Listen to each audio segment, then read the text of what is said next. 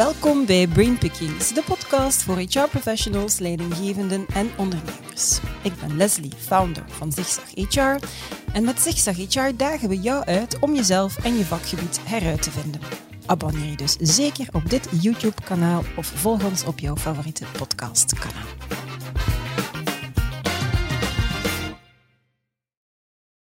Nieuwsgierigheid, daar gaan we het over hebben in deze episode van Brainpickings. Beter presteren door fouten, vragen, twijfel en verwondering. En ik kruip daarvoor in het hoofd van de nieuwsgierige Hanne Janssens, content marketeer bij Sivora. De afgelopen tien jaar specialiseerde ze zich in leren en marketing. En ze begeleidde het onderzoek naar nieuwsgierig werkgedrag bij Belgische medewerkers binnen het Paritair Comité 200. Sivora deed samen met Kessels en Smit in 2020 een onderzoek naar nieuwsgierig werkgedrag bij duizend werknemers en werkgevers. En ze is er rotsvast van overtuigd dat nieuwsgierigheid de soft skill is van de toekomst. Hanne. Hey, dag Leslie. Alles goed met jou? Ja, zeer zeker. Op deze vrijdagavond. Ja, het voelt als vrijdagavond. Dat Pik donker buiten. Het is nogthans nog maar tussen vijf en half zes, maar het voelt alsof dat middernacht is. Echt. We zouden beter op café zitten. Nee, dat is niet waar. Goed. Hanne, vertel. Waarom is nieuwsgierigheid de soft skill van de toekomst? En was dat dan vroeger minder of misschien zelfs helemaal niet belangrijk? Um, nieuwsgierigheid is voor mij een, een, een, eigenschap die wij allemaal hebben als mensen. Um, Die dieren ook hebben, die aangeboren is. Maar het is ook een soft skill. Um, omdat op een gegeven moment besef je dat je nieuwsgierigheid bewust kan gaan aanwenden om zaken te gaan verbeteren. Zowel op het werk als in je relaties. En dan wordt dat een soft skill, dan kan je dat gaan trainen. Dus het is voor mij nog een verschil tussen de aangeboren eigenschap die iedereen heeft, maar die je soms ook dreigt te verliezen op je werk. Of, als of die we ontleerd die worden. Die als volwassenen in al onze vaste rollen, waar twijfel soms wat moeilijk is. Uh, maar daarna kan je, daarnaast kan je dat dus ook echt als soft skill gaan trainen. En ik denk dat die belangrijker aan het worden is. Ik, ja. uh, natuurlijk is nieuwsgierigheid al, al, in onze mensheid gewoon super belangrijk. Maar nu merk je bijvoorbeeld in de, in de vacatures in een recente studie van de SAS en LinkedIn, mm -hmm. dat als nieuwsgierigheid daarin vermeld wordt, dat uh, posts bijvoorbeeld op LinkedIn veel populairder zijn. Dat in vacatures ja. 90% meer het woord nieuwsgierigheid komt. Dus je ziet wel een trend in, in, in HR of in recrutering mm -hmm. dat nieuwsgierigheid een belangrijke skill aan het worden is. Ja. Nu, het is natuurlijk altijd al belangrijk geweest, maar het wordt wel, denk ik, ook door het snellere veranderingen. Mm -hmm. Nieuwsgierigheid is de basis van leren. Ja. En leren moeten we allemaal blijven doen en ja. steeds sneller en steeds meer. Dus ja, ja okay. de soft skill. Dan doen we er misschien ook beter aan aan de kinderen om als die altijd maar vragen waarom, waarom, om niet te zeggen daarom, maar om dat te blijven voeden uiteindelijk, toch? En dat, dat denk ik ook. Die, Allee, ja. draag ook zorg voor je eigen mentaal welzijn natuurlijk daarin, maar ja, ik denk zeker dat het belangrijk is om, uh, om dat te blijven om voeden. Ja, ja. Zeker. En om vragen aan te moedigen. Mm -hmm. Maar het is dus ontwikkelbaar, dat vind ik al een belangrijke ja, om, uh, om mee te dat geven. is het zeker. Ik wil het eens hebben over de link, je hebt hem daarnet eigenlijk al aangehaald, tussen nieuwsgierigheid en leren. Je zei het is de basis van leren. Ja.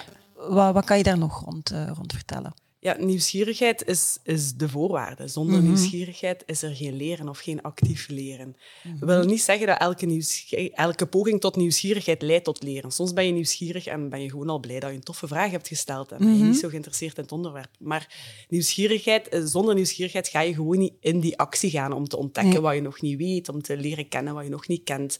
Die nieuwsgierigheid is de drive om te gaan leren en om... Um, heel actief en, en, en bewust te gaan leren en echt vooruit te gaan. Ja, um, ja. oké. Okay.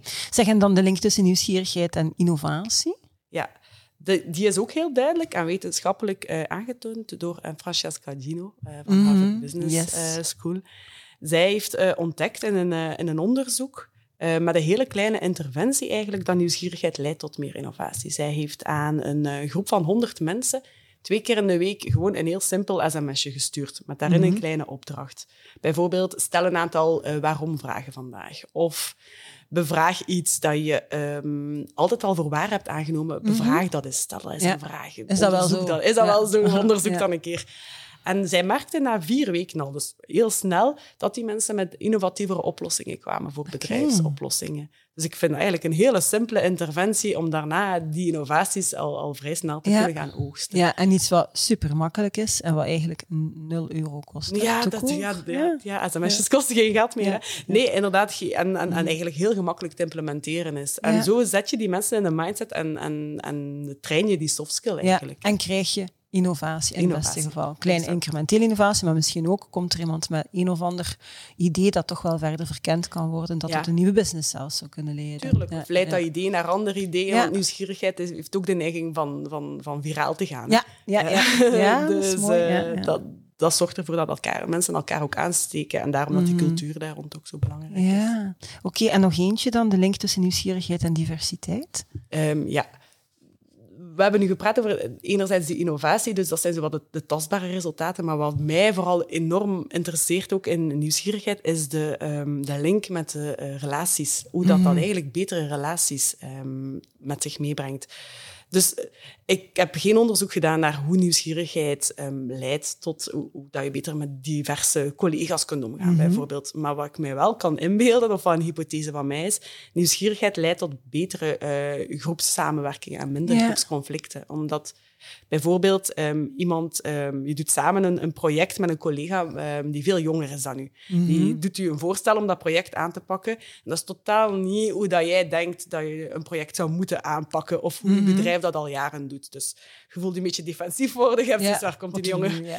snotneus mee af. En je gaat dat dus in plaats van nieuwsgierig te zijn, eigenlijk vrij defensief op gaan reageren en proberen je standpunt door te, duwen. Door te duwen.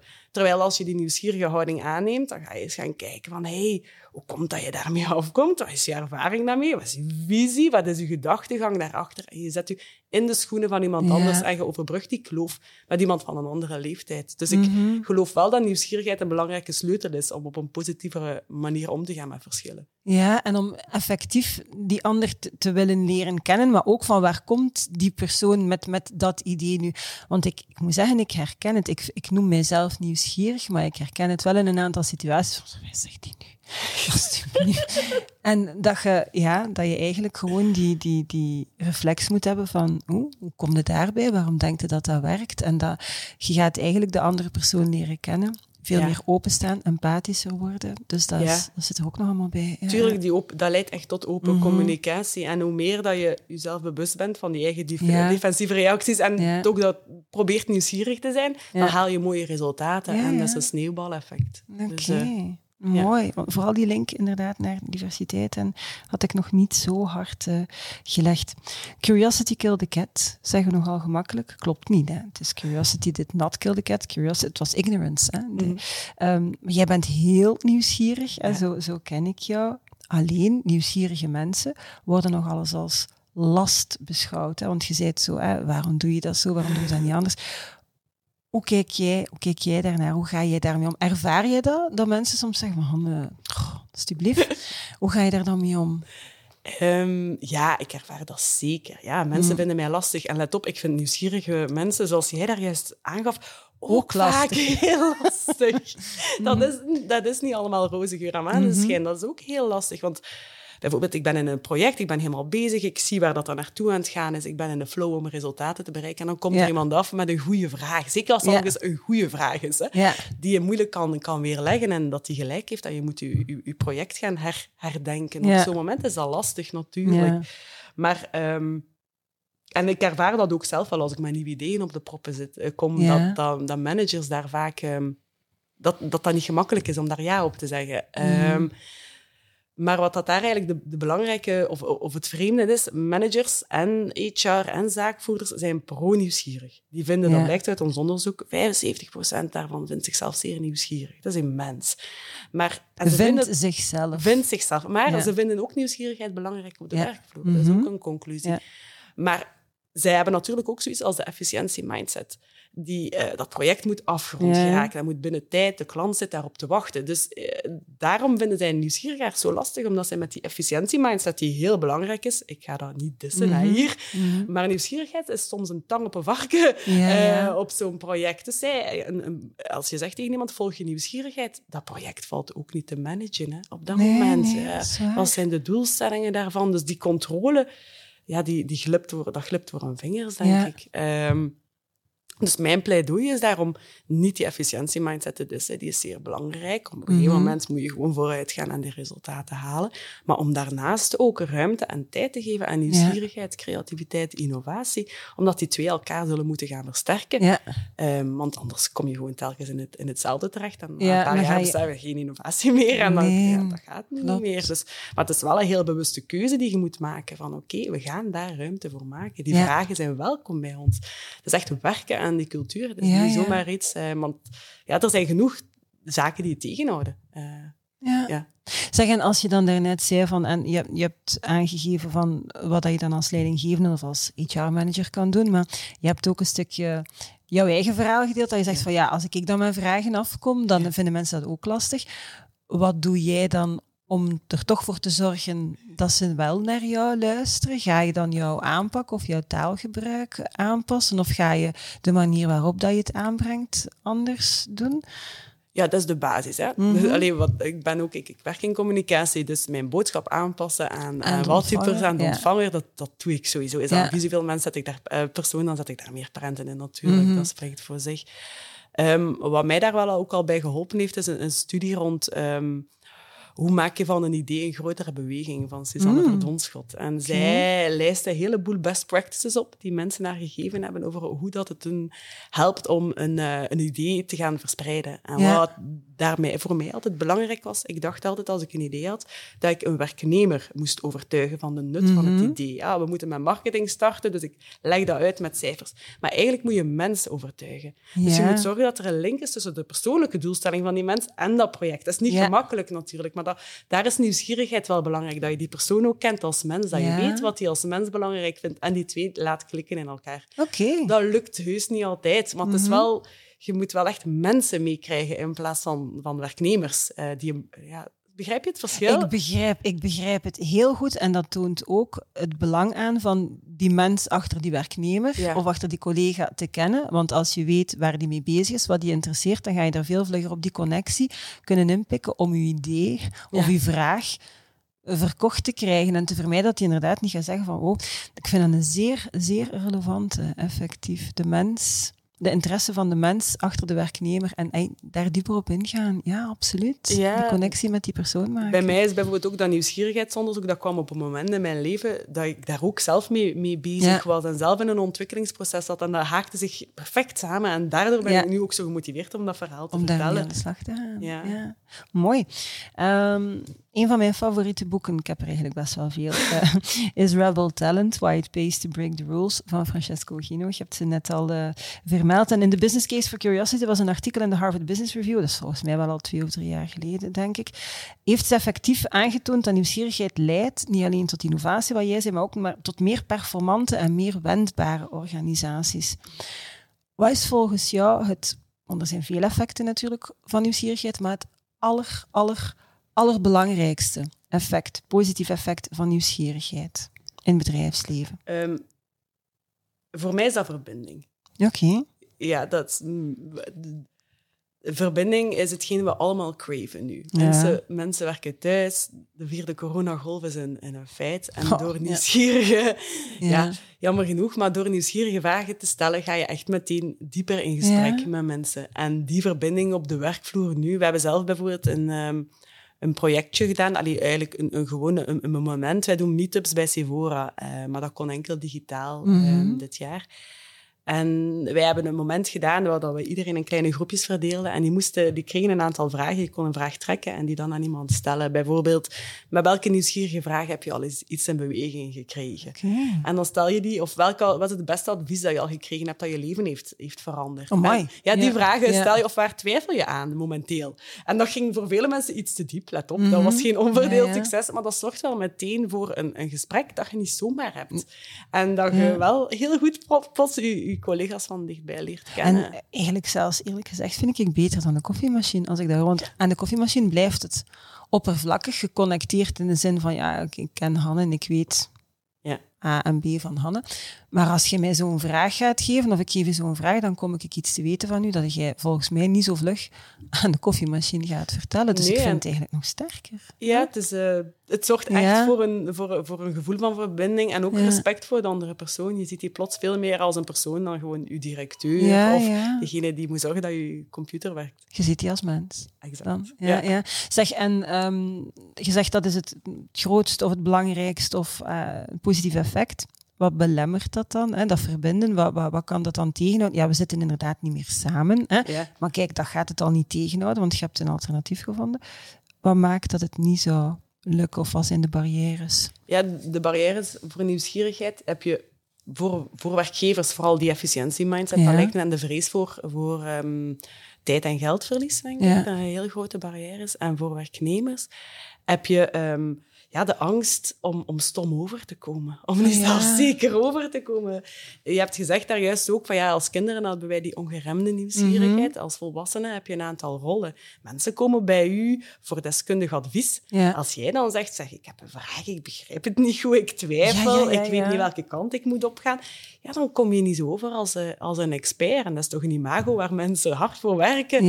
Um, dus dat is zeker een, een, een belemmering. Ja, angstig zijn om niet opnieuw zo een debutant te willen zijn, om, om die alle mhm. vragen moet stellen. En daarnaast ook de angst om fouten te maken. Natuurlijk, dat blijkt uit ons onderzoek ook, dat uh, mensen leren uit fouten, dat dat echt uh, heel weinig wordt uh, ingezet als actie door werknemers en ook heel weinig wordt aangemoedigd op de Belgische werkvloer. Terwijl dat we er altijd allemaal continu over babbelen, vind ik. Bij ons mogen ze fouten maken. Fouten maken mag.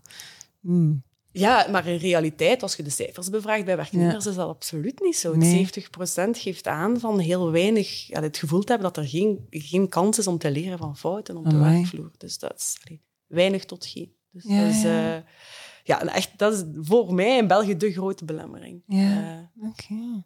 Zeg, het onderzoek wat je al een paar keer hè, naar verwees, was samen met Kessels en Smit, naar nieuwsgierig werkgedrag bij werknemers, werkgevers, paritair comité 200. Hoe herken ik dat? Uiteraard, als ze de vraag stellen, herken ik het. Hoe ga ik dat herkennen cultuurgewijs dan? Hoe manifesteert zich dat dan bijvoorbeeld? Nieuwsgierigheid op cultuurvlak. Ja, of gewoon breed, als je, als je dan bijvoorbeeld kijkt naar het onderzoek. Hè, hoe ga je dat dan herkennen? Op basis van wat zeg je? Dit is nieuwsgierigheid. Ja, wij hebben een aantal acts of curiosity um, gedefinieerd. Eén daarvan is vragen stellen. Dat is een heel populaire onder werknemers. Dat is ook een heel gemakkelijke. Um, ehm, 63% van de werknemers haalt daar goede resultaten uit. En wat je ook ziet, is dat um, werknemers die nog maar net gestart zijn ergens, dat nog veel meer doen ah, met nog veel meer succes. Dus dat is, daar herken je iemand nieuwsgierig aan. Mhm. Maar je hebt ook een andere mening uh, hebben en die durven geven in, een, uh, in een teammeeting, bijvoorbeeld. Dat hebben we ook onderzoek naar gedaan. Daar waren nieuwe werknemers een beetje logisch en minder goed in. Oudere uh, werknemers die al langer ergens werken, waren daar, haalden daar betere resultaten mee. Dat blijkt ook makkelijker te zijn in grote bedrijven dan in KMO's. Ah, ja? uh, tegendraadse mening geven. Ja, zo blijkt uit ons onderzoek. Maar daaraan herken je ook, ook wel meteen de openheid van, van een cultuur als dat aanvaard mhm. wordt. En dan ja, die fouten zien als een kans om te leren, dat um, was de minst populaire. Dus mensen deden dat minder. En als ze het deden, haalden ze er ook minder uh, goede resultaten uit. Dus ja, dat, daaraan herken je wel. En die gaven dan ook aan dat, dat een foute cultuur, dat, dat dat bij hun echt niet uh, gepromoot wordt. Dus dat dat heel moeilijk is om, um, om daaruit te gaan, uh, te gaan leren en dat bespreekbaar te maken. En was dat dan, want voor mij is dat een verrassing. Zeker omdat iedereen zegt van eh, uh, fouten maken mag. En als ik dan die cijfers hoor, voor mij is dat een verrassing. Zaten daar nog verrassende resultaten in die je kan delen? Of, of daarnaast misschien nog enkele belangrijkste bevindingen, de drie belangrijkste bevindingen of zo? Um, ja, zeer zeker. Wat mij persoonlijk verraste was ja, in de eerste plaats, um, werknemers zijn hoofdzakelijk nieuwsgierig. Meer dan 60 procent um, vindt zichzelf nieuwsgierig. Bij HR en bij zaakvoerders is dat zelf 75 procent. Okay. Maar als je dan gaat kijken naar de bedrijfscultuur en vraagt in welke mate stimuleert de bedrijfscultuur mm -hmm. nieuwsgierig te zijn, 40% zegt dat dat bij hun niet het geval is. En verrassend genoeg, 50% van HR en zaakvoerders zeggen dat dat niet het geval is. Dus zij noemen zichzelf nieuwsgieriger, maar ze zien Maar ze vinden de, de bedrijfscultuur, waar ze een hele grote impact, impact op, hebben, impact op hebben, als niet nieuwsgierig. Dus Oei, ja, dat vond ik een heel... Um, daar heb ik zelf ook hebben nog niet verder onderzoek naar gedaan, maar je, ik vraag me dan af. Zou daar een panelgesprek rond organiseren van wat is dat nu? Zeg, Leslie, je hebt gelijk. ja, dan moeten we inderdaad... Hoe komt het nu? Is dit een, een bewustzijn mm. dat, dat ontbreekt? Dat je niet echt goed begrijpt hoe dat nieuwsgierigheid, wat voor voordelen dat dat heeft? Is dat meer die kennis die ontbreekt? Zijn dat tools die ontbreken, dat je niet weet? Uh, is dat de tijdsdruk of die efficiëntie? Zien ze niet in hoeveel impact dat ze eigenlijk wel hebben? Ja, misschien. Ik, daar heb ik dus echt het raden naar. En dat, dat vond ik een van de... Allee, dat was hetgeen dat mijn nieuwsgierigheid heel spontaan uh, aanwakkerde. Van, hoe komt dat nu eigenlijk dat dat toch niet dat dat allee, blijkbaar zo belangrijk is voor iedereen, maar dan in de niemand slaagt erin om die vertaalslag precies te gaan maken van hoe moeten we dat nu gaan aanpakken op, op de werkvloer. Ja, ja, ik zou daar inderdaad, je kunt daar zo'n aantal hypotheses uit gaan formuleren en daarmee aan de slag gaan, een aantal mensen samenbrengen. Je luisteren van, hoe komt dat nu? Klopt dat wel? Want ja, het is uiteindelijk een onderzoek bij x aantal mensen. Dat is, dat is niet noodzakelijk representatief voor, denk ik dan. Mhm. Maar het is wel een duidelijke indicatie van, tja, dus uh, oké, okay, ja. Nog verrassingen of, of dingen die je kan delen? Um, wat voor mij ook verrassend was, was hoezeer dat we zeggen dat nieuwsgierigheid en werkelijk hand in hand gaan. Ah, ja. Want dat was wel een mooie, ja. vond ik zelf. Um, mensen die zichzelf zien als nieuwsgierig, als heel nieuwsgierig, hebben echt heel positieve uh, effect op, uh, heeft een heel positief effect op hun werkgeluk ook als ze de, nieuwsgierige, de bedrijfscultuur als nieuwsgierig omschrijven, mm zijn ze gelukkiger. En, voor ze voor ook, als ze opleidingen volgen, dan zijn ze ook nieuwsgierig. En zijn ze ook gelukkiger. Dus dat is super fijn om dat te zien. Ja. Maar dat is ook een effect dat ik zelf ook al heb gevoeld. Als je die een mindset hebt en je, je experimenteert daarmee, dat geeft een hele toffe flow. En met meer verbinding en toffere en betere resultaten komt natuurlijk ook meer werkgeluk. Dus ja, uh, ja. Dat, uh, dat, vond ik een hele toffe verrassing. Mm ja. Alright. Zeg, en hoe kunnen medewerkers zichzelf dan bijvoorbeeld uitdagen om nieuwsgierig te blijven als je zegt, ja, het wordt nog niet genoeg gestimuleerd op de werkvloer? Oké, ja, leg het initiatief bij jezelf dan, denk ik. Wat kunnen ze doen? Of wat doe jij bijvoorbeeld? Misschien om voorbeelden te geven. Um, wat ik doe, ik heb een vaste collega, een hele kritische collega. Een hele fijne gast, um, waar ik een goede vertrouwensband mee heb. En aan hem leg ik gewoon mijn vragen voor. Ik zit vast met een project en ik zeg, ja, kijk daar eens naar.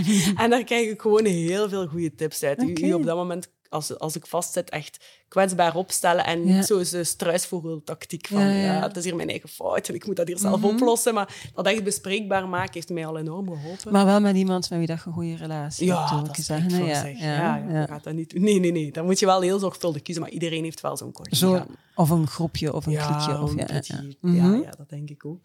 Um, daarnaast, ja, wij hebben ook ronde tafels georganiseerd waar we heel veel tips mm -hmm. hebben verzameld. Um, bijvoorbeeld een, eh, een zaakvoerder van een contentbureau die um, heel bewust advies gaat vragen in zijn informeel netwerken bij mensen uit andere sectoren. Okay. ook ja. mensen die heel bewust naar collega's gaan van een andere generatie. Oh, super. En die ja. een mening gaan opzoeken. Dus, dat, dat dus echt ook... bewust op zoek naar die dissidente stemmen, naar die mensen die er anders gaan naar kijken. Ja, ja, omdat je weet dat gaat een beetje schuren en ambetant zijn, maar dat leidt net tot, tot resultaten en meer nieuwsgierigheid. Oké. Um, dan voor mij, dat is een, een, tip die Suzanne Verdonschot van het onderzoek heeft gegeven, dat is om je fout echt als een onderzoeker te gaan bekijken. Hmm. Ja, dat vergt wel wat... Um, ja, je moet, als je een fout maakt, dan komen daar heel veel emoties eh, los. Hè. Ja, je bent boos, je probeert het toch ergens op iemand anders. Mogelijk. Hoe kan dat? En dan die schaamte.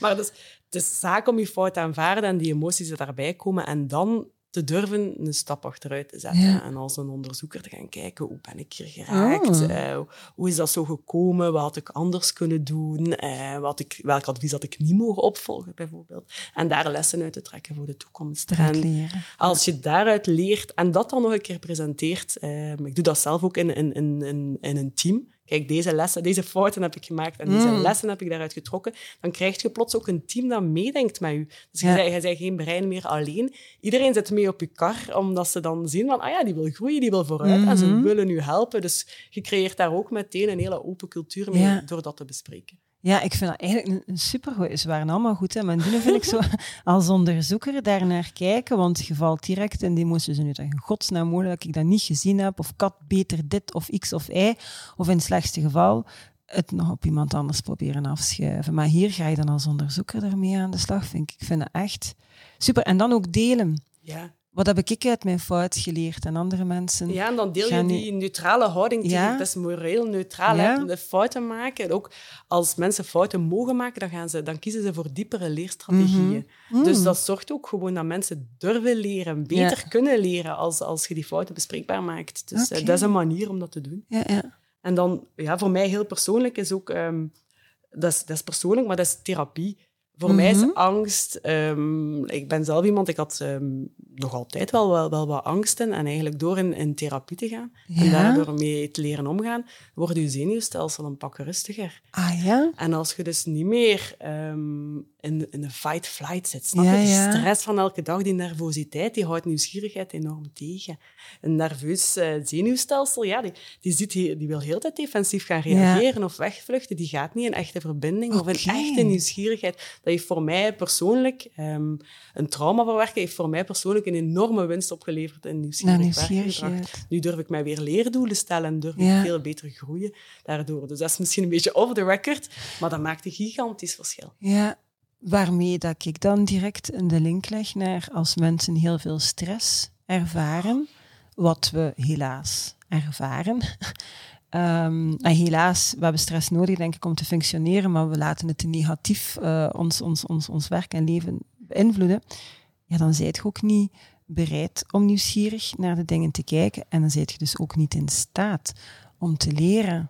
Nee, dan zijt je niet dat je zenuwstelsel is niet in staat om te leren. Dus dat vind ik wel, in jouw geval is het inderdaad, uh, dat je zegt van, het was, was zo ingrijpend op mijn leven dat, dat ik een stap verder ben gaan, dan, dan therapie en dat ja, heeft mij dan geholpen. niet met therapie, nee, dat gaat met maar, stress of... Uh, ja. ja, maar dat betekent dus wel dat heel veel mensen, ik denk dat iedereen wel een bepaalde vorm van stress ervaart in de mate dat ze zeggen van het is mijn, voor mij gewoon niet mogelijk om dat hier te laten functioneren. Ja, maar wat ik daar ook wel gemerkt heb aan nieuwsgierigheid en stress, mhm. is dat um, enerzijds moet je geen stress hebben en dan kan je nieuwsgierig zijn, dat klopt, mhm. maar het werkt gelijk ook andersom. Okay. Je kunt jezelf zo wat trekken in nieuwsgierigheid. Door die nieuwsgierige vragen te stellen en die verbinding aan te gaan, word je wel rustiger. Snap je wat ik bedoel? Dus het werkt ook wel andersom, voor mij toch persoonlijk. Dat is niet uit wetenschap, maar dat, eens dat, dat je daarmee begint te experimenteren, word je wel vanzelf, zie je collega's minder als iemand die kritiek gaat hebben op je project, bijvoorbeeld. Of die zie je dan minder als concurrentie, maar meer als een veilige groep. Dus het lokt ook veiligheid uit en, uh, en rust uit op een andere manier. Dus ja. Je bent er eigenlijk heel bewust mee bezig. Ja, natuurlijk. Ja, Ik denk dat het ook belangrijk is dat we mogen allemaal wel wat bewuster bezig zijn met de dingen te koer.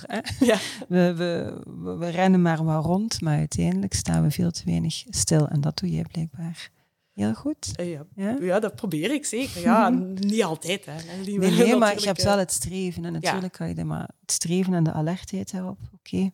Zeg, hoe, hoe, stimuleer je dan een, een, nieuwsgierige werkcultuur doorheen de verschillende HR-processen? Als het dan gaat over recrutering bijvoorbeeld? Ja, ik heb daar eens even ook met de HR-manager bij ons over gepraat. Um, Stay mhm. Curious is voor ons een, um, een, een, waarde, dus hoe, hoe, zij dat aanpakt. Want ik heb ook een, beetje verder onderzoek gedaan. In recrutering kan je natuurlijk een aantal nieuwsgierige vragen stellen. Uh, je kan vragen van, ja...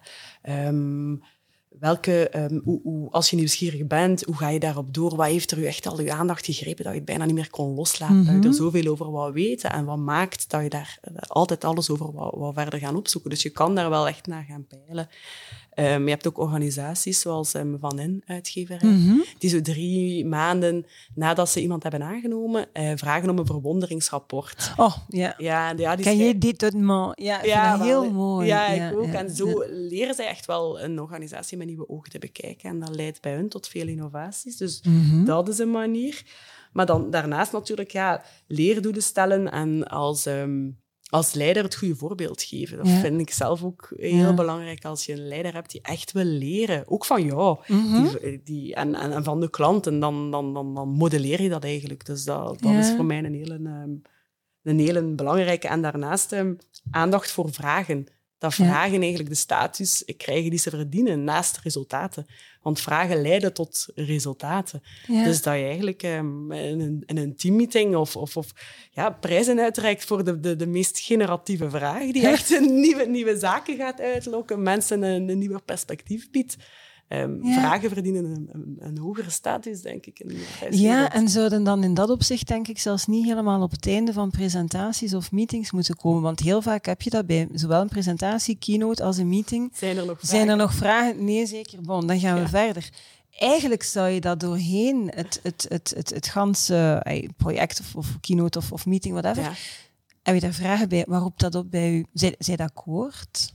Ja, tuurlijk. Zit je akkoord? Terwijl je presenteert, ja. zeggen van op welke vragen uw presentatie, welke vragen je zelf had. Ja. Dus eigenlijk heel de tijd, welke vragen heb ik, dan ook weer vragen uit bij mensen. En zo dat, virus, dat goede virus verspreiden. Ja, ja oké. Inderdaad, nieuwsgierigheid als een virus, dat blijft wel een beetje, beetje plakken. Maar ook dat, dat, dat boekje van verwondering blijft plakken. Ik denk dat we heel veel um, opties of pistes voor, voor kleine innovaties zelfs laten liggen door dat niet te doen. In het begin, als je ergens werkt, je ziet alles. Ja. En we zien dat waarschijnlijk na drie maanden en zeker na zes maanden langer niet meer. Mhm. Het feit dat we dat niet allemaal capteren, dat zijn zoveel mogelijke opties naar kleine incrementele verbeteringen van kleine processen of grote processen die we laten liggen. Weer, dat kost eigenlijk bijna niks, alleen maar wat tijd. Mhm van de persoon die ze neerschrijft en van de persoon die ze leest en dan daarover in gesprek gaan. Dat vind ik zo'n waardevolle. Ja, zeer zeker. ja, absoluut. Ja, oké. Misschien moeten we allemaal een cahier d'étonnement gaan, uh, gaan invoeren. Goed. Om af te sluiten, want ik denk dat we bijna op een, eh, een half uurtje uh, zitten. In wiens hoofd, ik kruip graag in mensen hun hoofd. In wiens hoofd moet ik volgens jou nog eens kruipen? Of in wiens hoofd wil je samen met mij beschrijven? Oh ja, ik wil wel meedoen. um, ja, ik ben um, fan, ja, zeg maar fan, van, van Maaike Verstraten. Ik weet niet of je haar ja? kent. Zij inspireert mensen met positieve psychologie. Zij blogt daarover. Ze heeft ook Die ga ik eens opzoeken. Ja, ja. Maaike blogt. Ze werkte vroeger bij Kestels en Smit. En heeft nu, ja, die doet ook eh, e-learnings rond positieve psychologie. En hij probeert mensen daar, van daaruit enorm te inspireren. Hij heeft ook een heel onregelmatig carrièrepad. Hij ehm, bevindt zich telkens... Een zigzagger. Ja, echt. Het, helemaal een slasher. Um, en ze, ze, ze maakt een heel creatief leven voor haarzelf. En probeert op die manier ook anderen te inspireren. En uh, ik ben zelf ook een schrijver. Ik uh, lees ook veel. Haar blog is, is zeer onderhoudend. Uh, Oké, en hoe noemt haar blog? Of is het gewoon haar naam? Maaikeblog.be. Maaikeblog.be. Ja. Wel, we zullen haar eens contacteren. En wie weet kruipen we dan samen eens in haar hoofd. Ja, dat is goed. Afgesproken. Oké. Okay. Tenzij dat je nog een ultieme boodschap de wereld wil sturen, Hanne? Nee, ik denk dat ik ze gegeven heb. Je hebt een heel duidelijke boodschap gegeven en een heel enthousiast, uh, um, ja, een heel enthousiast samenhangend best wel verhaal over nieuwsgierigheid en waarom dat, dat verdorie zo belangrijk is dat op de werkvloer. Dat zal wel zijn, dank je wel. Merci, Hanne. Dankjewel ook aan jullie om te luisteren of om te kijken. Vond je deze podcast interessant of fantastisch? Vertel dat dan natuurlijk aan zoveel mogelijk mensen verder. De allercoolste HR-professionals zijn natuurlijk al heel erg lang geabonneerd op ons fantastisch magazine. Misschien moet je daar ook wel eens dringend werk van maken. Allerbelangrijkste, weten jullie al, it's a great time to be in HR. Tot de volgende!